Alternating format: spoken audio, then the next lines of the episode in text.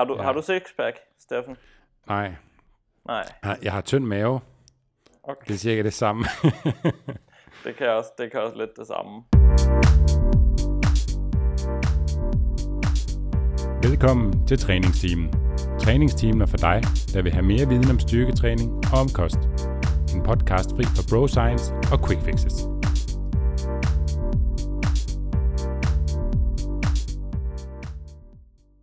Og velkommen til episode 72 af træningstimen.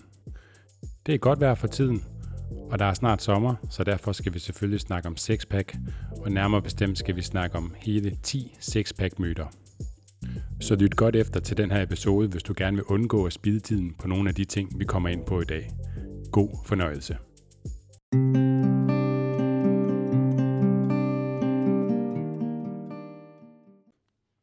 Vi er din værter, Steffen Fisker. Og Nikolaj Bak, Jeg er stifter af Fisker Performance og har en bachelor i idræt.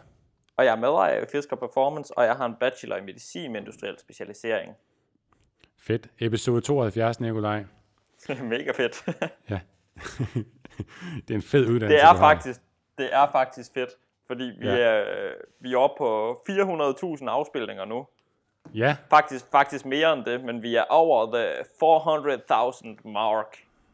Det er for sindssygt. Så, så er det næste mål en halv million. Mm. Det bliver nice. Og, øh, og tusind, tusind tak, fordi I øh, stadig lytter med derude. Jeg tror, de gider at lytte til vores stemmer hele tiden. Tak for det. Snak for dig selv. Jeg, jeg snakkede med en, en kunde i går, og hun sagde, at øh, hun har svært ved at høre forskel på os faktisk. Er det rigtigt? Det ved jeg ikke, om der er flere, der sidder derude og tænker, men det kunne være meget sjovt at høre omkring, om vi, lyder vi meget ens. Altså, jeg synes, du snakker lidt mere nordjysk, end jeg gør. Ja, det synes jeg også. Plus min, jeg har ikke en, jeg har ikke en lige så god radiostemme, som du har. Du ved, jeg er sådan lidt mere sådan en forkølet frø på en eller anden måde. Ja, ja det, det, altså man synes jo aldrig, sin egen stemme er flot eller god, så, så det, det, det kan jeg ikke selv se eller høre. Nej, det kan, det kan godt være, det er det. Øhm, og ellers, hvad var det, jeg skulle til at sige? Det har jeg fuldstændig glemt nu. Det var noget, din kunde havde sagt. Nå, øhm, ja, det var, ja, det var egentlig bare det, tror jeg. Okay. Nå, men Ja. så lad os, øh, lad os gå videre. Vi sidder stadigvæk hver for sig. Nå, det var det, jeg skulle til at sige, ja. Det, vi fik jo Nå. ikke optaget i sidste episode, øh, som vi jo egentlig lovede, at vi skulle sidde sammen. Det nåede vi ikke, fordi at, øh, så gik der snak og hygge og spisning i det, og så nåede Vi vi ikke at optage podcast. Ja, Ja, så, så Men vi, øh, vi kørte det digitalt. men det var en god dag. Ja. Så jeg sidder i Aalborg, og du sidder i Aarhus. Og i dag skal vi snakke om sixpack-myter. Jeps. Faktisk hele 10 sixpack myter har vi klar til, til dig i dag, kære lytter. Yes. Vi har faktisk Er 10 sixpacks klar. Ja, du har, du Det- har, ten, du har 10 pack. Ja, Ja, eller noget. Har du, Ja. har du sixpack, Steffen? nej. Nej, Jeg har- tynd mave. okay. Det er cirka det samme. Det kan også, det kan også lidt det samme. ja. Øh, nej, sixpack, men der er også det nye begreb er også 8-pack, har jeg hørt. Okay. Så har man de åbenbart to ekstra nedre mavemuskler med i den her sixpack. Mm. Jeg har ikke, øh, jeg har ikke nogen af delene. Men du cutter, sagde du. Så du ja, har det jeg måske cutter en snart. lille smule nu. Ja. Så øhm, jeg tænkte nu, der alligevel ikke var øh, mulighed for at køre det her Squadmania-program. Det var der så alligevel, fordi jeg havde, havde noget udstyr til rådighed, men så tænkte jeg her under coronaen, så kunne jeg lige så godt fokusere på noget lidt andet. Og der er også Ja. snart sommer jo, så, øh, så lige nu der øh, fokuserer jeg på at komme lidt ned i fedtprocent, og det er egentlig meget rart. Og så må vi jo så- fokusere så meget på at spise så meget. Så, så må vi jo så se på, om du, øh, om du laver alle de her myter her for at få den sixpack. Ja, det kan være, at jeg gør alle de her ting, og det er derfor, jeg ikke har uh, sixpack endnu. Ja, det er derfor. Jamen, skal vi bare tage, skal vi bare tage hul på dem? Der er jo hele 10 styks. Ja, de er, de er lidt over det hele. Nogle handler om øh, sådan træning for sixpack, nogle handler sådan om at spise i forhold til sixpack, og nogle de handler lidt mere om, øh, om faktisk det her ekstreme fokus, der er på sixpacken, som, øh, Mm. som noget, der er vigtigt, og som øh, ligesom er, en, er et bevis for, at man er trænet og i god form. Ja, lige præcis. Og så er der sådan noget mere fysisk genetisk også ind i det. Ja. Men, øh, Så øh, men det er sommertid, så derfor skal vi selvfølgelig snakke om, om sixpack. Det er for snart sommertid. Det er i hvert fald nu omkring, man skal begynde at gøre noget ved det, hvis man gerne vil have en sixpack. Afhængig af, af hvor høj ens fedtprocent selvfølgelig er. Mm. Men uh, Ja, punkt det er 1, sjældent, der kan ske så meget på en enkelt måned. ja, så skal man virkelig ikke spise noget. Men punkt 1, Ja, fedt, nu må man jeg sige kunne det. tro, det her det var en, en reklame for punkt 1. Ja, det kunne godt Er være. det stadig en ting egentlig? Ja, det kommer her efter, og så, og så kan man købe en fryser billigt, øh, hvis man skriver Nikolaj Bak i rabatkode. Ja. Hashtag sponsoreret. ja. Shit, mand. Øh, jeg ved sgu ikke om punkt 1. Ej, det er også et tidsspor. Nå, vi kører, vi kører med nummer 1 nu. Man kan punktforbrænde på maven. Ja, eller punktforbrænde i det hele taget, faktisk. Ja, i det hele taget, men nu snakker altså det er jo bare oftest meget maven, folk ønsker at Ja. punktforbrænde, og så ligger de derhjemme og laver hundredvis af mavebøjninger. Men, øh, men det er en myte, man kan ikke punktforbrænde. Så man kan Nej. ikke, man kan ikke bestemme, hvor man træner fedtet væk, så at Mhm. sige. Altså det er ikke sådan, at fordi man træner øh, lidt mere mave, at så øh, smelter man mavefedtet af, tidligere Nej. man taber det andre steder. Det er, Det, det er selvfølgelig godt at træne, men det er jo selvfølgelig begrænset, hvor meget øh, energiforbrug man har ved udelukkende at træne mave. mm, Men der er jo selvfølgelig noget energiforbrug ved det, men hvor fedtet af det energiforbrug øh, ryger af hen, hvis det medvirker til et kalorieunderskud, det er desværre genetisk bestemt og ikke noget, vi selv kan, vi ikke selv har en indflydelse på. ja. Så det man taber sig af, det er jo at være et kalorieunderskud. Ja, Og det kan man selvfølgelig gøre nemmere ved at træne, fordi det øger kalorieforbruget. Men som du siger, øh, hvor vi taber fedtet henne, øh, og i hvilken rækkefølge, det er, det er genetisk bestemt. Så, øh, præcis. så nogle de har sixpack på en højere fedtprocent, og andre de skal længere ned i fedtprocent, før de begynder ligesom at, at tabe underhudsfedtet omkring maven. Ja, så kan der også bare være den forskel, at nogen binder bare ekstra meget fedt omkring maveregionen kontra andre, så man kan mm. måske have synlige mavemuskler på en relativt høj fedtprocent, men så sidder fedtet bare et andet sted end lige på maven. Og det, det har jeg da set mange praktiske eksempler på, og det ser man jo specielt på nogen, der, der sådan skal i, i, i tættere på sceneform, eller i sceneform, at, at så nogen har sexpack ret tidligt i processen, selv på samme fedtprocent, og nogen får det først til allersidst, fordi det er der, at fedtet mm. først ryger af. Og det er desværre ikke noget, vi kan styre. Nej. Så man må Det- håbe, at ens fedt sidder der, hvor det er mindst træls, men det er jo altid mest træls der, hvor man synes, man har fedt. Lidt ligesom hvis, hvis man har krøller, så vil man ikke have krøller, og hvis man har glat hår, så vil man have krøller. Altså, det, man er sgu ikke tilfreds med det. Det var en god analogi. Men jeg tænker også, punkt 1, den, øh, den leder os lidt over til øh, punkt 2. Ja. Fordi den her tanke om, at man kan punktforbrænde på maven ved hjælp af træning, øh, det får tit folk til at træne maven med en helvedes masse gentagelser. Fordi at man, øh, jeg tror det det handler om, at man prøver at smelte mavefedtet af. men der er også mange, der har hørt, at den optimale træning af maven, det er altid mavebøjninger. Ja, Og på et eller andet tidspunkt kan man bare lave en helvedes masse mavebøjninger for rent faktisk at blive udfordret. i hvert fald hvis det er sådan, øh, kan man sige, den almindelige mave, mavebøjning, man kender på gulvet, som jo på et eller andet tidspunkt bliver måske lidt for nem, og så ender man med at ligge og lave rigtig mange gentagelser. Mm.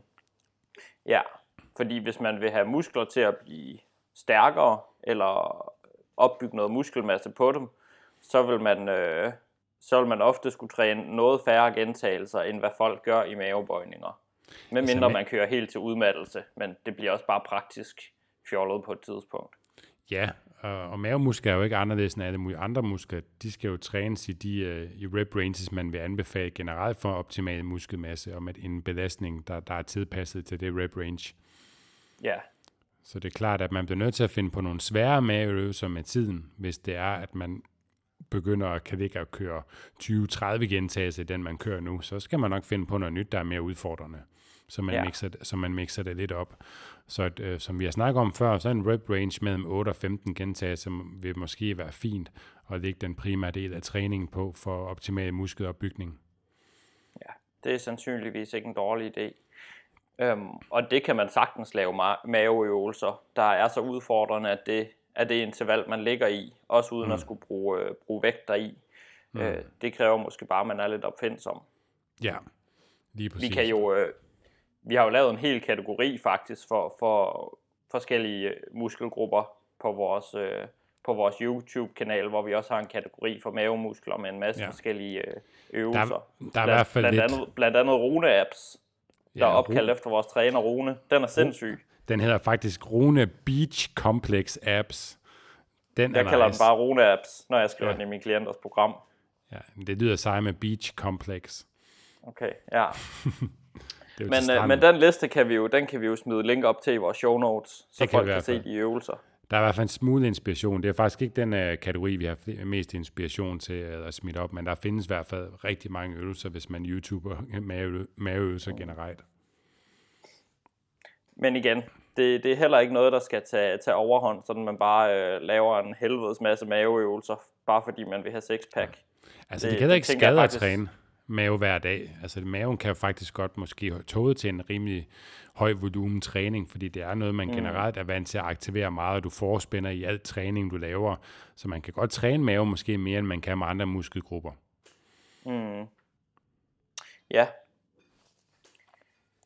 Jeg tænker lidt det her med, at, øh, at man ikke skal bruge alt for meget tid på mavetræning, eller at, øh, at man ikke kan regne med øh, kun at få en sixpack gennem, øh, gennem fancy øvelser. Det leder også lidt til næste punkt. Ja, hvor punkt 3 det er, at man kan udelukkende træne sig til sixpack. Mm. Hvilket, hvilket øh, man ikke kan, fordi hvis der er et, øh, et tykt fedtlag uden på dine flotte apps, så, så vil de sgu ikke blive synlige, uanset, øh, uanset hvad. Nej. Og at have en sixpack, det handler rigtig meget om at have den, række, den rette fedtprocent. Det kommer ja. man ikke rigtig udenom. Nej, og, og ja. hvad fedtprocent som sagt skal være, er jo forskelligt afhængig af, hvor meget fedt man har på maven og maveregionen.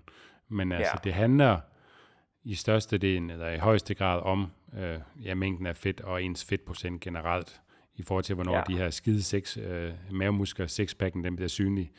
Og det er jo så forskelligt i forhold til, hvor, hvor tykke ens mavemuskler kan være. Altså, der, er, der er selvfølgelig også begrænset med vækstpotentiale i mavemusklerne. Det er ikke fordi, at jeg øh, kan, ikke, øh, kan ikke genkende til at have set flere centimeter dybe fuger i mavemuskler på nogen i verden. Heller ikke på, heller ikke på sådan professionelle bodybuilder, der bare virkelig sådan tanket op på, på stive yder. Altså de har jo altså, ikke sådan kæmpe, kæmpe mavemuskler, som de har kæmpe ben eller arme. Nej, overhovedet ikke. Altså, de har da nogle dybere fuger, men altså, vi snakker jo ikke i centimeter, altså i flertal overhovedet. Mm.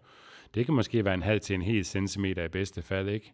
Så, så det er ikke fordi, de har en kæmpe vækstpotentiale, men det er jo klart, at det, de kan vokse, det kan jo gøre, at de en synlige en lille smule før, kontra hvis øh, at de bare var helt flade. Mm. Men, men man kommer ikke udenom, at man skal have en tilpas lav fedtprocent for at få den her sixpack, som alle de snakker om. Det gør altså, man ikke, i takt med, at i takt med, at vi lager mere fedt i kroppen, fordi vi spiser flere kalorier, end vi forbrænder, så bliver det netop lagret som det, man kalder underhudsfedt.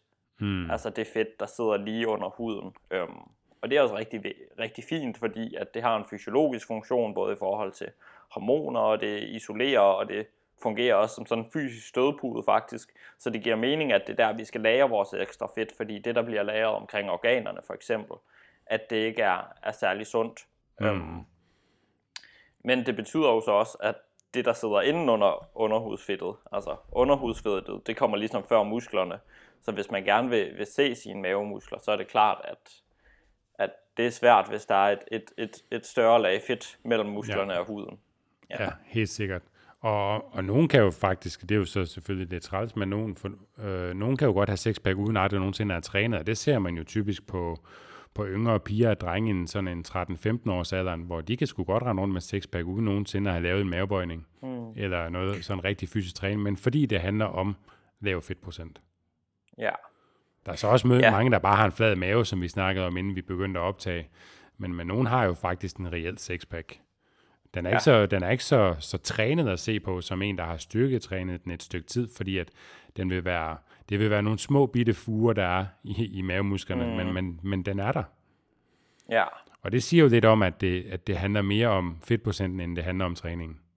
Ja, det handler dog også lidt om træning i, øh, i et omfang. Ja, det, det øhm, det leder os over til myte nummer 4, mm. nemlig at apps bliver kun lavet i køkkenet. Ja, der, og det, der er, det gør det jo ikke helt. Nej, der er sådan et, et fitnessudtryk omkring, hvor man siger, uh, apps are made in the kitchen. Um, og det er også rigtigt, at det primære der er det, fordi man skal ligesom have en tilpas lav fedtprocent. Um, med det sagt, så tror jeg også, at de fleste rent subjektivt synes, at en, uh, en sixpack ser pænere ud, hvis man rent faktisk har lidt muskelmasse. Ja. Altså, um, du ved, jeg har det lidt, man, man kan godt være rigtig, rigtig tynd, men hvis man ikke har muskelmassen, så giver det bare ikke det der trænede look, som mange de går efter. Men det er klart, at det ser bare ikke skivet imponerende ud, hvis, hvis man ikke har, har muskelmasse og bare har, har sultet sig ned til at være rigtig tynd for at have en sixpack. Ja. Så vil det i min optik i hvert fald være bedre først at fokusere på at lægge noget fundament, også bare mm. fordi det er sundt og øh, funktionelt, for nu at bruge et lidt fluffy ord, og, mm. og bære rundt på noget muskelmasse og være stærk. Det bliver man sgu gladest for i længden, tror jeg. Ja, og så er det jo også typisk, at dem, der faktisk har trænet sig til, til lidt mere muskelmasse på maven, de har jo også trænet andet, så de ser jo generelt mere vedtrænet ud, når de også har trænet mm. resten af kroppen. Så det helhedsindtrykket af en vedtrænet sixpack er jo også noget andet, hvis man har trænet resten af kroppen. Ja, helt sikkert. Og det bliver da også, man kan sige, det bliver også nemmere at have en lav fedtprocent, hvis man rent faktisk bærer rundt på en, en større portion muskelmasse. Både nemmere og sundere, men øhm, mm. fordi hvis man har mere muskelmasse, jamen, så forbruger man også mere energi, energi under træning. Ja. Øhm, og så betyder det også bare, så kan man rent faktisk spise noget samtidig med, at man har den her sixpack. Og det er generelt lov, eller det er, lov. Det er generelt sjovt at øh, få lov til at, at spise noget, uden at sulte hele tiden. Ja, det burde være en lov. Mm, ja, det burde ja. faktisk være en lov, at alle har, har ret til at spise det, de gerne vil. Ja, og, ja. og, og det leder os måske lidt videre til, til det næste, at øh, bestemte fødevarer giver sixpack. Fuck, en god segway. Ja. Det var simpelthen underbevidst, at jeg lavede den der talefejl, for at vi kunne komme herhen. Ej, jeg havde, prøv at høre, jeg havde planlagt det hele vejen. Ja, du har tænkt over det en uge. Ja, fuldstændig. Men, men hvad er det for nogle, øh, det er dig, der har skrevet den på, hvad er det for nogle fødevarer, du har hørt, der giver sixpack? Fordi øh, jeg skal lige netto bagefter, det kan jeg købe dem. Øhm, ja, det er, øh, du må ikke fortælle det til nogen, men det er øh, Doritos. Bu- burritos eller Doritos? Faktisk begge dele. En uh, burrito med Doritos i. Fedt, mand. Så noget mexikansk. Det smager for øvrigt rigtig, rigtig godt. Ja. Um, nej, men det er jo nogle gange, hvis man surfer rundt på forskellige hjemmesider, så kommer der nogle annoncer for, uh, spis den her sære jackfruit, eller sådan et eller andet, eller black African mango, eller whatever magiske superfood, der skulle uh, smelte mavefedtet. Mm, yeah. Og det er lidt forskelligt, hvad det er. Der var også de der uh, hindbærketoner på et tidspunkt, der også skulle ja, rigtigt, ja. rippe en helt vildt, så vidt jeg husker. Ja, der er flere kosttilskud, som påstår at kunne gøre det. Ja, øhm, eller sådan nogle specielle sager fødevarer, som indgår i en eller anden sjov diæt, som man kan, kan købe et eller andet sted og få en eller anden fancy kostplan, der forbrænder mavefedt. Ja. Ligesom øh, vi hørte i vores Bro Science episode, var der en, der havde hørt, at ananas optog kalorierne øh, nede i maven. Ja, for det andet, man spiste. Ja. Ja. Men der findes ikke nogen superfoods, og der findes heller ikke nogen madvarer, der kan trylle fedtet væk fra maven. Nope. Nej. Det er klart. Der er nogle madvarer, man kan spise sig mere med det i og indeholder færre kalorier, og man derigennem kan opnå det her kalorieunderskud. Mm. Men det er bare ikke det samme. Ja. Er der nogen fødevarer, der øger forbrændingen, Nikolaj? Nu når vi, lige er ved den snak. Det var der også en, øh, et opslag om inde på vores uh, træningsteam Facebook-gruppe. Der er ikke nogen fødevarer, der øger forbrændingen mere end de kalorier, de indeholder. Nej. Man kan hvem, sige, hvem, er øh, chili? hvem er chili? Det var sådan lidt uh, lige sådan en snak, der lige var ind, over. Jeg tror faktisk endda, den der effekt af caps, capsaicin, som det der stof, der er i chili, det hedder, at det, uh, jeg tror effekten på forbrændingen er så lille, at den faktisk er mindre end kalorieindholdet sådan en typisk chili, hvis det er. Ellers er jeg det ved det faktisk ikke, men, men lige præcis, det er i så lille størrelseskala, at det bare er, øh, er irrelevant.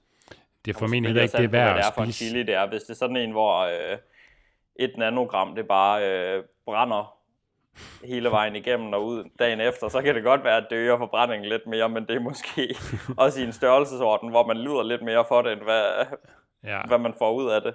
det. Det lyder lidt upraktisk at spise nogle af de der chili claus chili, hvis det er det, der er til for at øge forbrændingen, og så ja. er det så lige det et omfang, at, man, øh, at det brænder i, i tre uger, når man går på toilettet.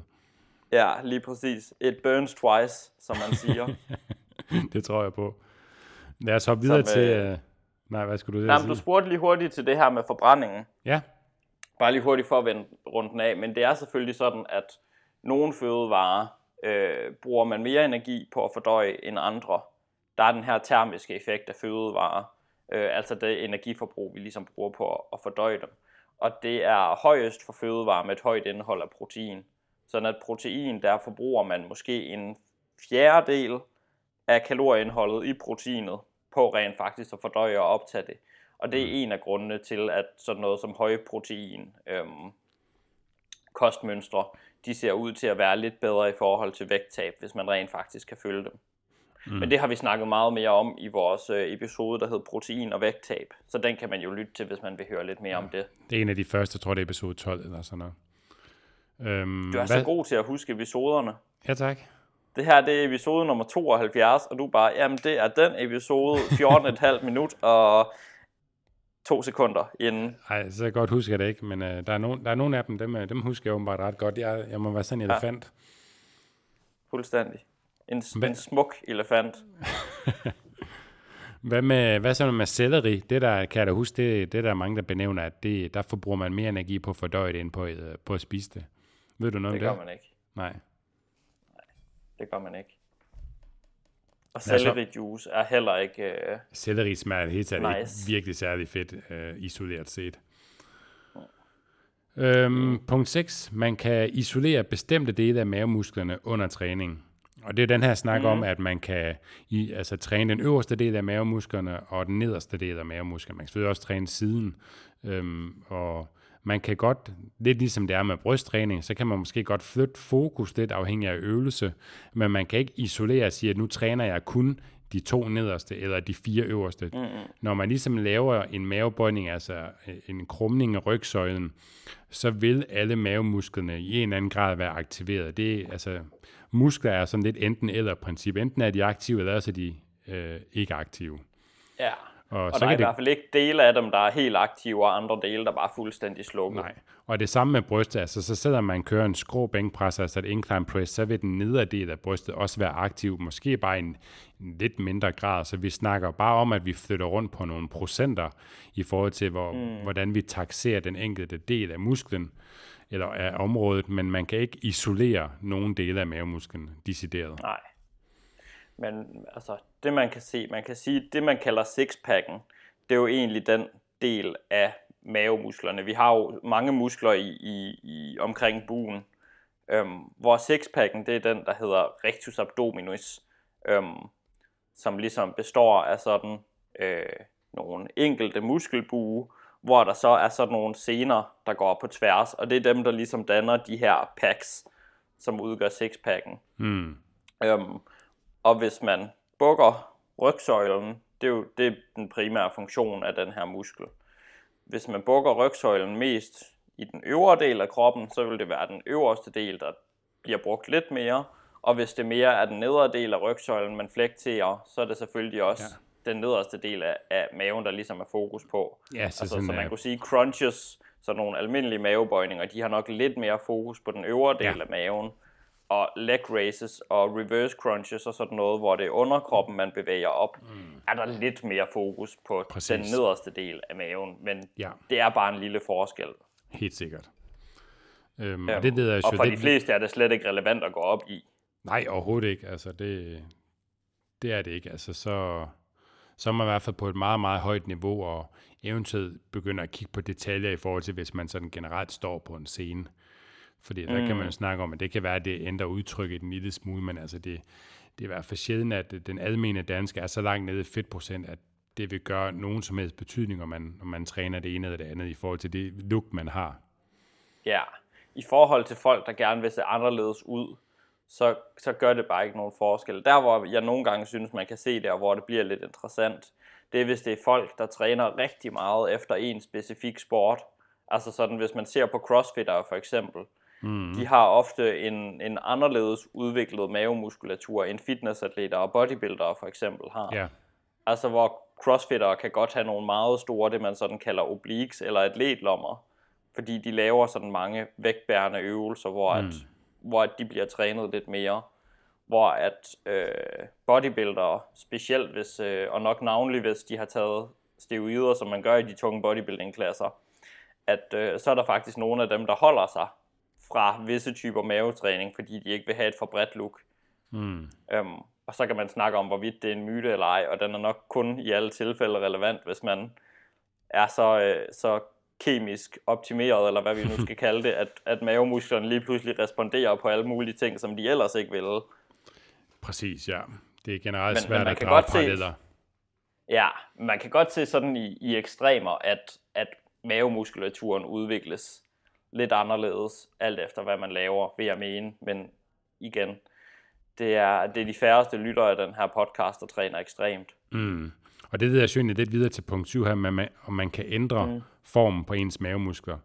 Og det er jo ment for den forstand, at jeg har i hvert fald hørt, eller snakket med flere, der ligesom, så siger de, at de gerne vil have, at de sad mere lige over for hinanden, de her packs, du snakker om, som sidder på hver sin side, ligesom er, hvis man deler den op over navlen, og så sidder packsene på hver sin side af navlen, at de vil ønske, mm. de sad mere lige, eller var, var mere lige, fordi nogle af dem kan være lidt sådan skæve, eller lidt kantet, men, men det kan man ikke påvirke via træning. Det er ren genetik, så så ja. der, det er, der må du skede dine forældre ud, hvis øh, man ikke har født med den genetisk øh, disponerede mave, som man ønsker sig. Ja. Det, er jo, det er jo ikke alle, der er født med sådan et, et øh, hvad det hedder, sådan en skidepaddeskjold, hvor de bare sidder og snor lige. Der er sådan en bodybuilder, der hedder, der hedder Stefan Havlik, H-A-V-L-I-K, øh, man kan ikke huske, hvad land han kommer fra. Han har bare sådan et, øh, et, et den, den, den, øh, den flotteste mave, jeg har set i bodybuilding. Mm. Det, det er imponerende. Ja, det samme kan man virkelig se, hvis, nu nævnte jeg crossfitter før, der kan man også se, der, der er dels stor sådan forskel på, hvor veludviklet deres mavemuskulatur er, men også bare fordi de er så hugget, kan man også bare se, der er virkelig genetisk stor forskel på, mm. hvor lige øh, mavemusklerne er, hvordan de sidder og sådan noget. Kæmpe forskel. Og det, det er bare genetisk. Ja, hvis man ser på sådan en som den måske den mest kendte body, en af de mest kendte bodybuilder i historien, Ronnie Coleman, han havde jo nærmest en ikke eksisterende sexpack, altså hvor de sad sådan på en meget øh, genetisk anderledes måde, hvor det ikke var sådan en tydeligt mm. defineret packs, der sad over for hinanden, men var sådan lidt mere runde i det. Ja. Og alligevel kom han jo rigtig langt i bodybuilding. Ja, ja. Og igen, who fucking cares? Præcis. Altså, det, det er ikke noget, man kan kontrollere alligevel. Så, øh, så det er i hvert fald spildte kræfter og bekymre sig alt for meget om ja. det. Og men det er også, kan man sige, det er også en pointe med Ronnie Koeman for at understøtte, at hvis man kunne ændre på det, så tror jeg, han havde gjort det. Ja, ja, det er rigtigt. Jeg tror, han har brugt de, øh, de metoder, der var nødvendige for at få en anderledes sixpack. Ja, god pointe. Og jamen, punkt 8. Man kan bygge optimal muskelmasse med en hugget sixpack året rundt. Ja, det kan man jo godt øh, komme til at tro, hvis man scroller igennem Instagram og ser nogle af de sådan øh, mere populære internationale fitnessprofiler i hvert fald. Øhm, der poster mange billeder fra deres fotoshoots, hvor de bare er skamhugget. Øhm, men i hvert fald som clean trænende, nu ved jeg ikke så meget om, om træning på steroider, øhm, men som en clean person, der vil opbygge muskelmasse, så kan man ikke opbygge maksimal muskelmasse og være hugget i granit året rundt. Det Nej. sker bare ikke. Det vil man jo heller ikke, ja. man vil jo heller ikke se nogen uh, bodybuilder eller top uh, fitnessudøvere altså inden for æstetiksport, også have en mega har hugget sexpack året rundt. Nej, det er rigtigt. Altså hvis man ser på de fleste bodybuildere, de har jo også en, en mere sådan blød off-season. Øh, og hvis, hvis de ikke kan med de betingelser, der nu er i professional bodybuilding, jamen, så, øh, så vil de fleste andre mennesker, der ikke er optimeret på samme måde, mm. heller ikke kunne, øh, kunne bygge optimal muskelmasse mm. og være helt hugget over rundt. Nej, for optimal det, altså, muskelmasse, kan... det kræver jo et mindre kalorieoverskud. Og et mindre kalorieunderskud kan vi ikke undgå, at der også kommer lidt fedt på. Og hvis man helt kalorieoverskud. Ja, lige præcis. Ja, hvis vi har Ja. ja. kalorieoverskud, kan vi ikke undgå, at der også medfølger en lille smule fedt, og det gør jo, at, vi, at, at sixpacken øh, bliver blødere hen over tid. Og så, kan, så er der jo mange, der kører sådan noget zigzag-diæt, men, men det er jo heller ikke optimalt, fordi så er du overskud og underskud sådan meget skiftevis, mm. og det er, ikke, det er heller ikke en optimal øh, måde at gøre det på i forhold til øh, at opbygge, opbygge maksimal muskelmasse for en periode. Ja. Og Men, igen, øh, man kan, øh, man kan godt opbygge muskelmasse, uden at komme, komme op i fedtprocent. Men, øhm, men igen, hvis man vil opbygge maksimal muskelmasse, så skal man nok acceptere, at fedtprocenten stiger lidt for de flestes vedkommende. Mm. Og så, så er der også bare det, at når man er nede, langt nede i fedtprocent, øhm, så er betingelserne for at bygge muskelmasse bare heller ikke særlig gode. Øhm, der blev lavet sådan et studie, hvor man, øh, hvor man undersøgte nogle mænd, der skulle ned på sådan en sceneklar fedtprocent. Det er klart, så er man også rigtig langt nede i, i fedtprocent, men det er jo det, man tit ser, når man ser de her fitnessprofiler med virkelig hugget sixpack ind på Instagram. Mm. Og der så man, at deres testosteronniveau, det var næsten halveret, da de var lavest nede i fedtprocent. Ja. Øhm, og selvom testosterons effekt på muskelmassen nogle gange bliver overdrevet, øhm, så er det helt sikkert øh, noget, der vil have en effekt, når vi snakker, at, at ens baseline, sådan hormonelle øh, niveauer for et hormon, der er involveret i muskelopbygning, de bliver halveret. Ja, altså generelt for veltrænet, der er i en kalorieunderskud, så handler det jo i langt højere grad om at vedligeholde den muskelmasse, man har. Så, og, og minimere Yes. tabet af muskelmasse. Fordi at er man vedtræner og træner længere, har en god portion muskelmasse, så er det en meget svært ikke at undgå at tabe noget muskelmasse, hvis man er i kalorieunderskud i en længere periode, som for eksempel hvis man skal på scenen. Ja, Så der snakker vi om at minimere tabet af muskelmasse, fordi at det er næsten uundgåeligt. ja. Når man, når man skal helt derned, så, øh, så er det i hvert fald rigtig svært. Jeps. Og, og det er jo så, som du siger, der er det ligesom udfordringen at vedligeholde, hvis man rent faktisk skal bygge mu- ny muskelmasse og gøre det optimalt.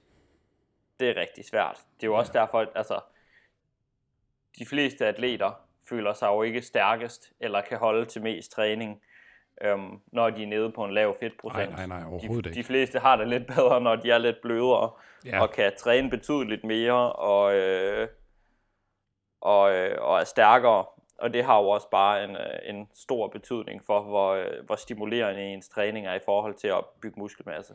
Altså det ser man også inden for de fleste sportsgrene. Altså kigger man på, på vægtløftning for eksempel, så ser man jo også, at, at når de ikke er tæt på konkurrence, så ligger de jo også en, en, lige en, altså lidt forskelligt fra land til land, men de ligger jo også nogle kilo tungere end den vægtklasse, de er i, simpelthen for at have mere overskud af energi og en lille smule mere fedt på kroppen, fordi så kan kroppen tolerere en lidt større træningsvolumen end på en lavere fedtprocent. Fordi når de snakker vægtklasser, så er mange af dem jo maksimeret med muskelmasse i forhold til lav fedtprocent. For eksempel hvis man er i 77 kilos vægtklassen, altså så er det begrænset, hvor stor man kan være.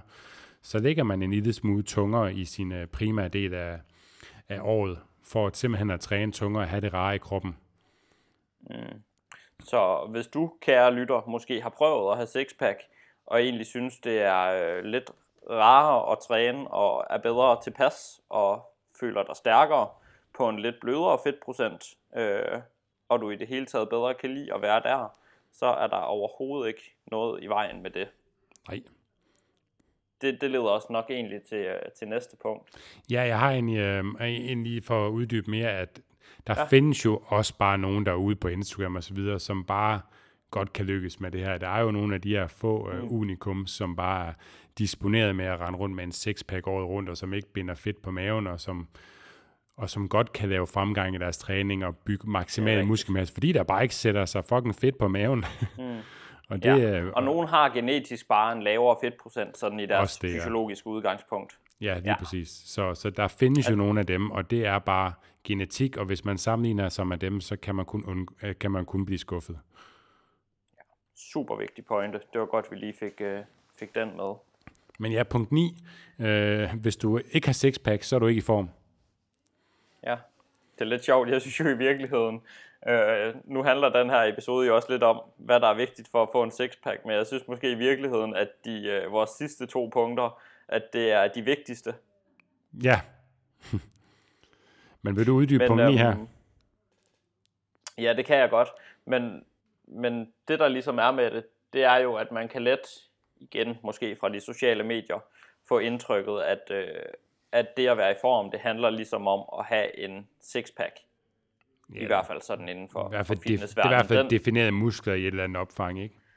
Ja, den bliver i hvert fald øh, givet en rigtig, rigtig stor betydning. Mm. Um, men hvis man ser på, øh, på det at være i form, om det så er at være, og det er jo også sådan lidt, lidt et lidt fluffy begreb at være i form, men hvis man ser på øh, atleter, der er dygtige til deres sport, eller folk, der er stærke, eller folk, der kan bruge deres krop til, øh, til forskellige ting, eller mm. på en eller anden vis har, øh, har rykket deres træning langt, hvilket jeg i hvert fald vil sige, vil, øh, vil være noget, øh, der ligesom indikerer, at man er i form. Mm.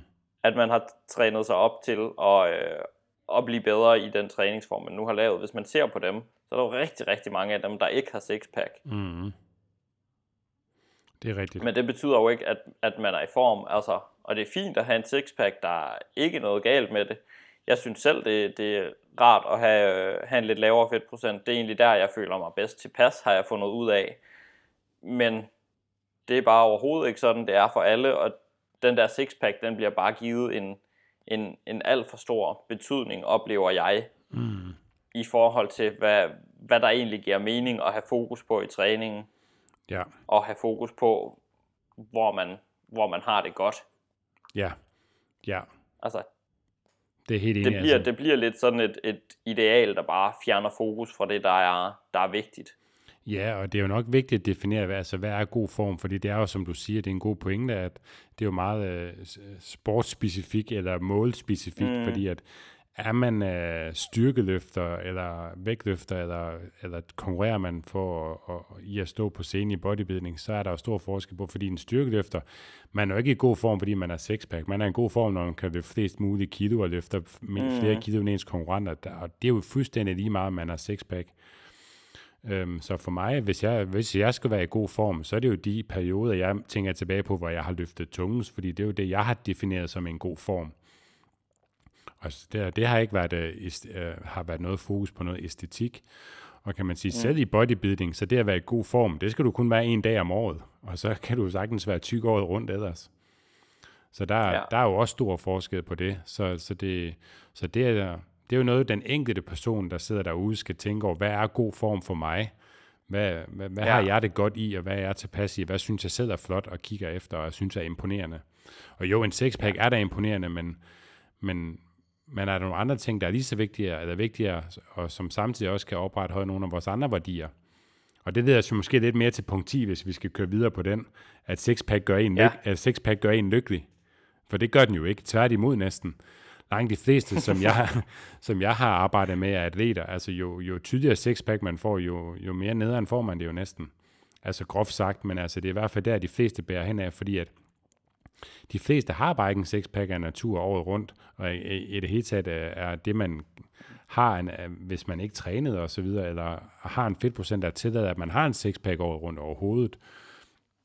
Så, så når man så kommer ned i fedtprocent og har været i energi, øh, kalorieunderskud en længere periode, så har man bare ikke sindssygt meget energi og overskud til nogle andre vigtige ting i ens liv. Og, og træningen er bliver gjort til en ting, som bare skal overstås, eller som bliver gjort for, for det ene måde for øje at stå på scenen, for eksempel.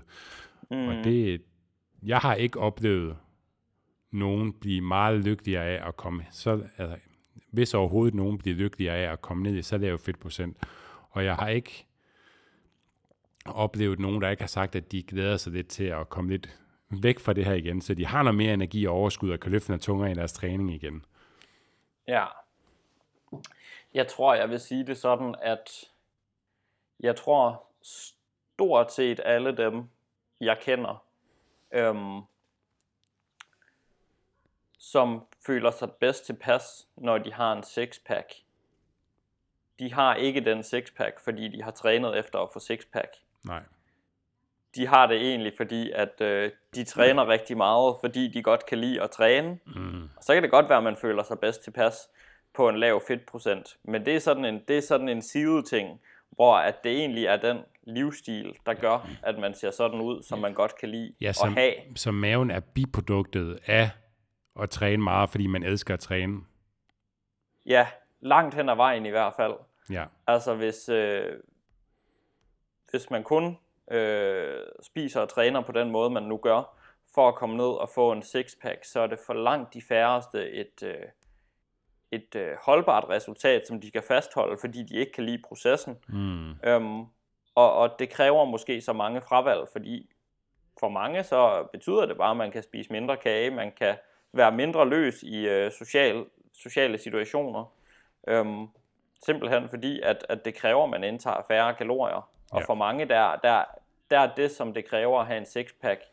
Øh, hvis de ikke har genetikken til det, så kræver det faktisk, at man lever markant anderledes. Og hvis man ikke kan lide det, så bliver man sgu ikke lykkelig af at få en, en sixpack. Præcis. tværtimod kan det ende med, at det bliver sådan, at man skubber alt det væk, man i virkeligheden gerne vil, Ja. øhm, i forhold til det her vægttab. Det behøves ikke engang at, at være et vægttab, man får en sixpack af. Ja.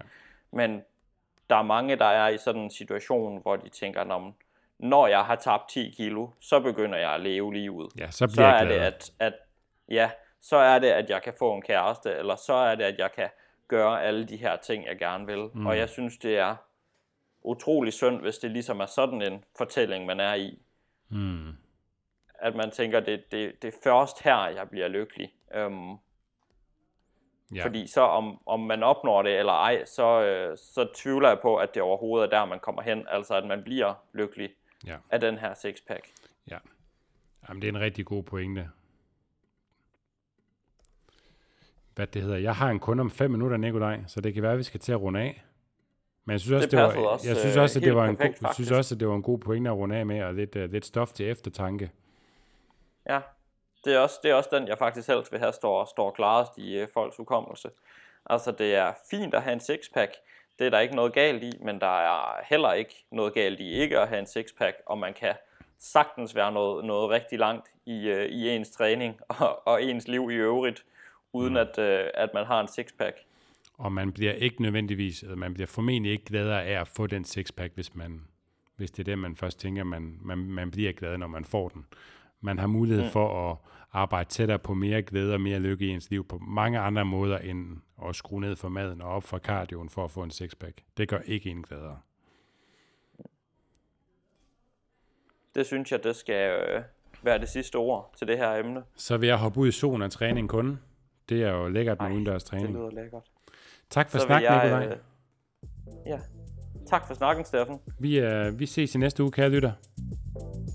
Det gør vi. Hej. Hej hej. Og det var så afslutningen på denne episode. Hvis du gerne vil læse mere om træningsteamen og om det enkelte afsnit, så kan du klikke ind på træningsteamen.dk. Og hvis du har spørgsmål til den enkelte episode, eller har forslag til emner, vi kan tage op i en fremtidig episode, så har vi oprettet en Facebook-gruppe, som du kan tilmelde dig. Facebook-gruppen hedder Træningsteamen, og jeg håber, at du vil være med. Og hvis du kunne lide den her episode og gerne vil have flere episoder fra os, så vil vi sætte stor pris på en god anmeldelse i din podcast-app. For det er ingen hemmelighed, at vi laver den her episode for netop dig derude, og vi tjener faktisk rigtig lidt penge ved at lave podcast. Faktisk ingen penge. Så måden du kan hjælpe os på er ved at dele vores podcast og anmelde den, så vi kan få vores podcast ud til så mange som muligt og forhåbentlig hjælpe dem. Og det er netop derfor, vi gør det her. Hvis du gerne vil læse mere om Fisker Performance og hvad vi ellers foretager os, så kan du følge os på både Facebook og på Instagram under navnet Fisker Performance. Og så er der vist ikke andet end at sige tak fordi du lyttede med. Vi høres ved.